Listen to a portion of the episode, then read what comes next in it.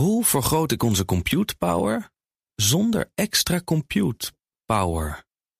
Lenklen, Hitachi Virtual Storage Partner.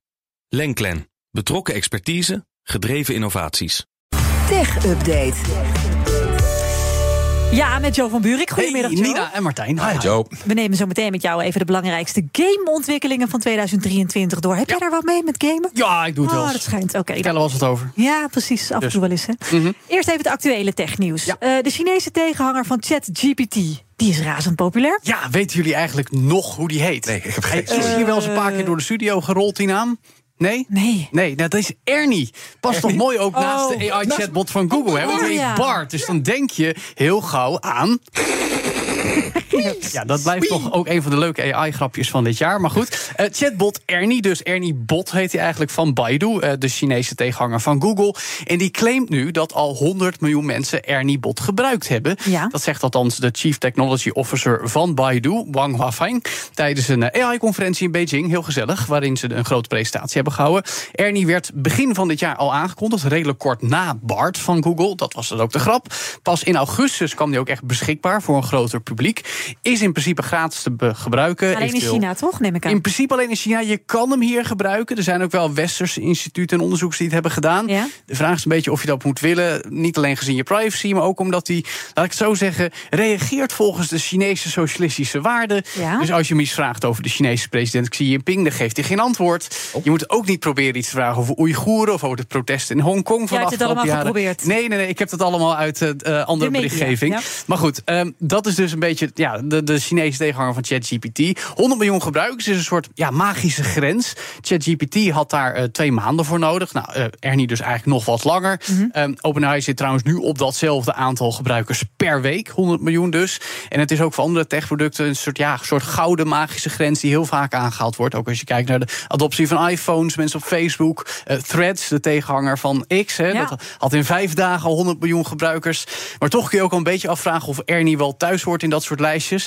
Want er is ook nog een onafhankelijk platform dat AI-chatbots rangschikt, Superclue. En die zegt, ja, Ernie is wel de beste in China.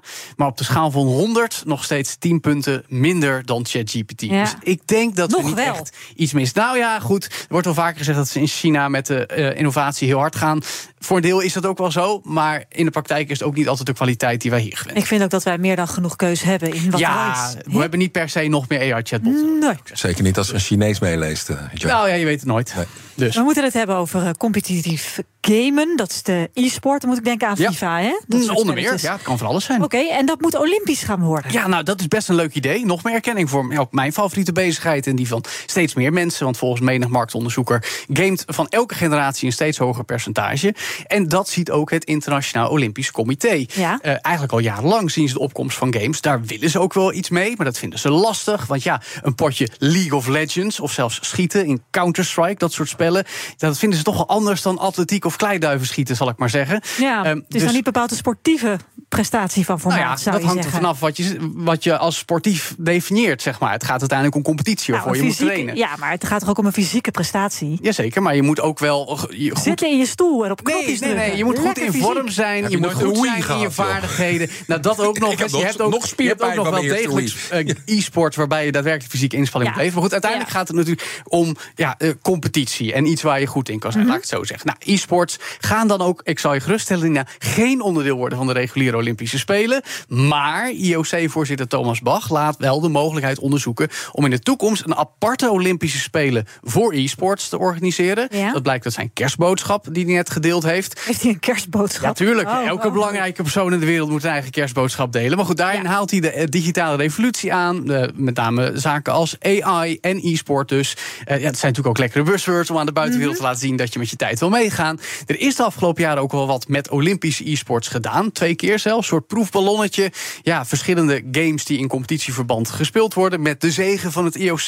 Het ging om meer om honkbal, wielrennen. Al eh, gesproken over games waarbij je daadwerkelijk wel zelf op de trappers moet staan, Nina. Ja. Hè, als je zo graag in het zweet wil werken. Ja. En schaken, autoracen ook tr- trouwens, met Gran Turismo op de PlayStation. Eh, nou, allemaal interessante ontwikkelingen. En ook sinds kort, moet ik erbij zeggen, erkent NOC-NSF, de branchevereniging voor e-sports in Nederland, om aan te geven dat ze ook in Nederland met de tijd mee willen. Is allemaal leuk, maar ze blijven ook wel een beetje worstelen met het fenomeen zijn. Want ook Bach zegt in zijn kerstboodschap: we zullen trouw blijven aan Olympische waarden van vrede, respect en dergelijke. En dat is ook een beetje te vertalen als zijnde schietspelletjes komen er nog steeds niet in. Nog niet. Dat is toch ook wel een interessant Maar dit is wel een opmaatje. Een Ja, nee, opmaatje zeker, zeker, naar zeker, zeker. e-sport. Ja, eh. Olympische Spelen. Dat sowieso, maar de vraag is dan meer wat voor games komen daar dan op? Wat, Ja, wat, wat, zien we als games Ja. die passen binnen de Olympische gedachten? Dat is Ja. een interessant gesprek. Nou, hou die gamegedachten maar vooral vast, want het is nu tijd voor. Tech Top 3. En vandaag over de belangrijkste ontwikkelingen in de videogames dit jaar, 2023. Jouw lijstje, de top 3. Ja. Laten we beginnen met nummer 3, de doorbraak van de verfilmingen van games. Ja, dat vind ik toch mooi, want jullie hebben misschien wel The Last of Us gezien op HBO Max. Ja. Of Ja. de Super Mario Bros. film in de bioscoop. Ik denk vooral Hogwarts Legacy. Dat is dan weer een game, Mhm. op basis van een film en een boek trouwens. Maar vooral als je kijkt naar de films en series die gemaakt zijn vanuit Op games. basis van een game, dus Precies. andersom. Ja, dus, dus nou is Super Mario nogal het allerbeste voorbeeld. Ik denk dat jij met het kind thuis ook wel eens gekeken hebt naar die film. Ja. Ja, nou, dat- een paar keer misschien zelfs zo. Ja, dat dacht ik al. Maar goed, 1,36 miljard dollar omzet. Dat geeft wel aan dat het een succes is. Bijna net zoveel geld in het laadje als de film Barbie.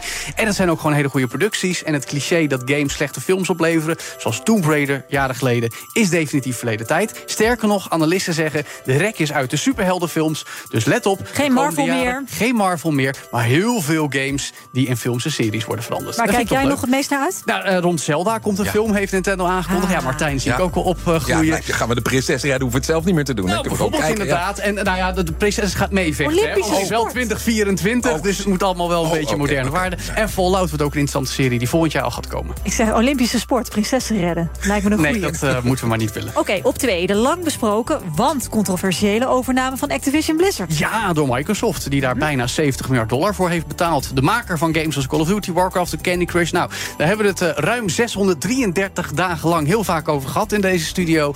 Want dat was de tijd die zat tussen de aankondiging ervan, begin 2022, en de uiteindelijke goedkeuring. De waakhonden lagen dwars. De Europese Unie gaf eigenlijk gelijk wel de goedkeuring. Maar vooral de Amerikaanse deed heel erg moeilijk. Lanceerde een spoedprocedure. Maar Microsoft werd in het gelijk gesteld door de rechter. En dus kwam de overname er toch. We hebben het in ieder geval heel vaak over kunnen hebben. Vond ik toch leuk. dit Op jaar. twee, daarom. Nou, en dan op één, hoe kan het ook anders? Wil jij het zeggen? Nee, jij mag het zeggen. De aankondiging van GTA 6. De aankondiging, hè? Niet Ja, het spel nee, zelf. Dat komt niet eens volgend jaar. In aankondiging. 2025 pas. Maar inderdaad, de trailer. Of eigenlijk het gerucht van de aankondiging van de teaser voor de trailer. Maar dat vind jij zo'n groot ding, de aankondiging? Nee, de trailer werd al 100 miljoen keer bekeken in twee dagen Ja, tijd op YouTube echt Joe is alleen. niet alleen. Niet. Nee, daarom. En GTA 5 bracht 8 miljard dollar op. En voor GTA 6 worden er al rekensommetjes gemaakt in de eerste maanden 3 miljard dollar omzet. Dus dat is ruim meer dan het dubbele van die Super Mario film. Enige verschil is, GTA 6 moet je dan weer niet samen met je kinderen gaan doen. Nee, maar dat is ook helemaal niet, toch? Nee, maar het is wel heel leuk. Maar de drempel ligt nu al zo hoog... voordat die game überhaupt nog maar... Ja, in gespeeld kan 2024 komt hij niet eens. Dus we kunnen nog een jaartje rustig gaan doen. En in 2025 wordt het echt leuk. En het er heel vaak over hebben Precies. met jou. Dankjewel, Joe van Buurik. De BNR Tech Update wordt mede mogelijk gemaakt door Lenklen.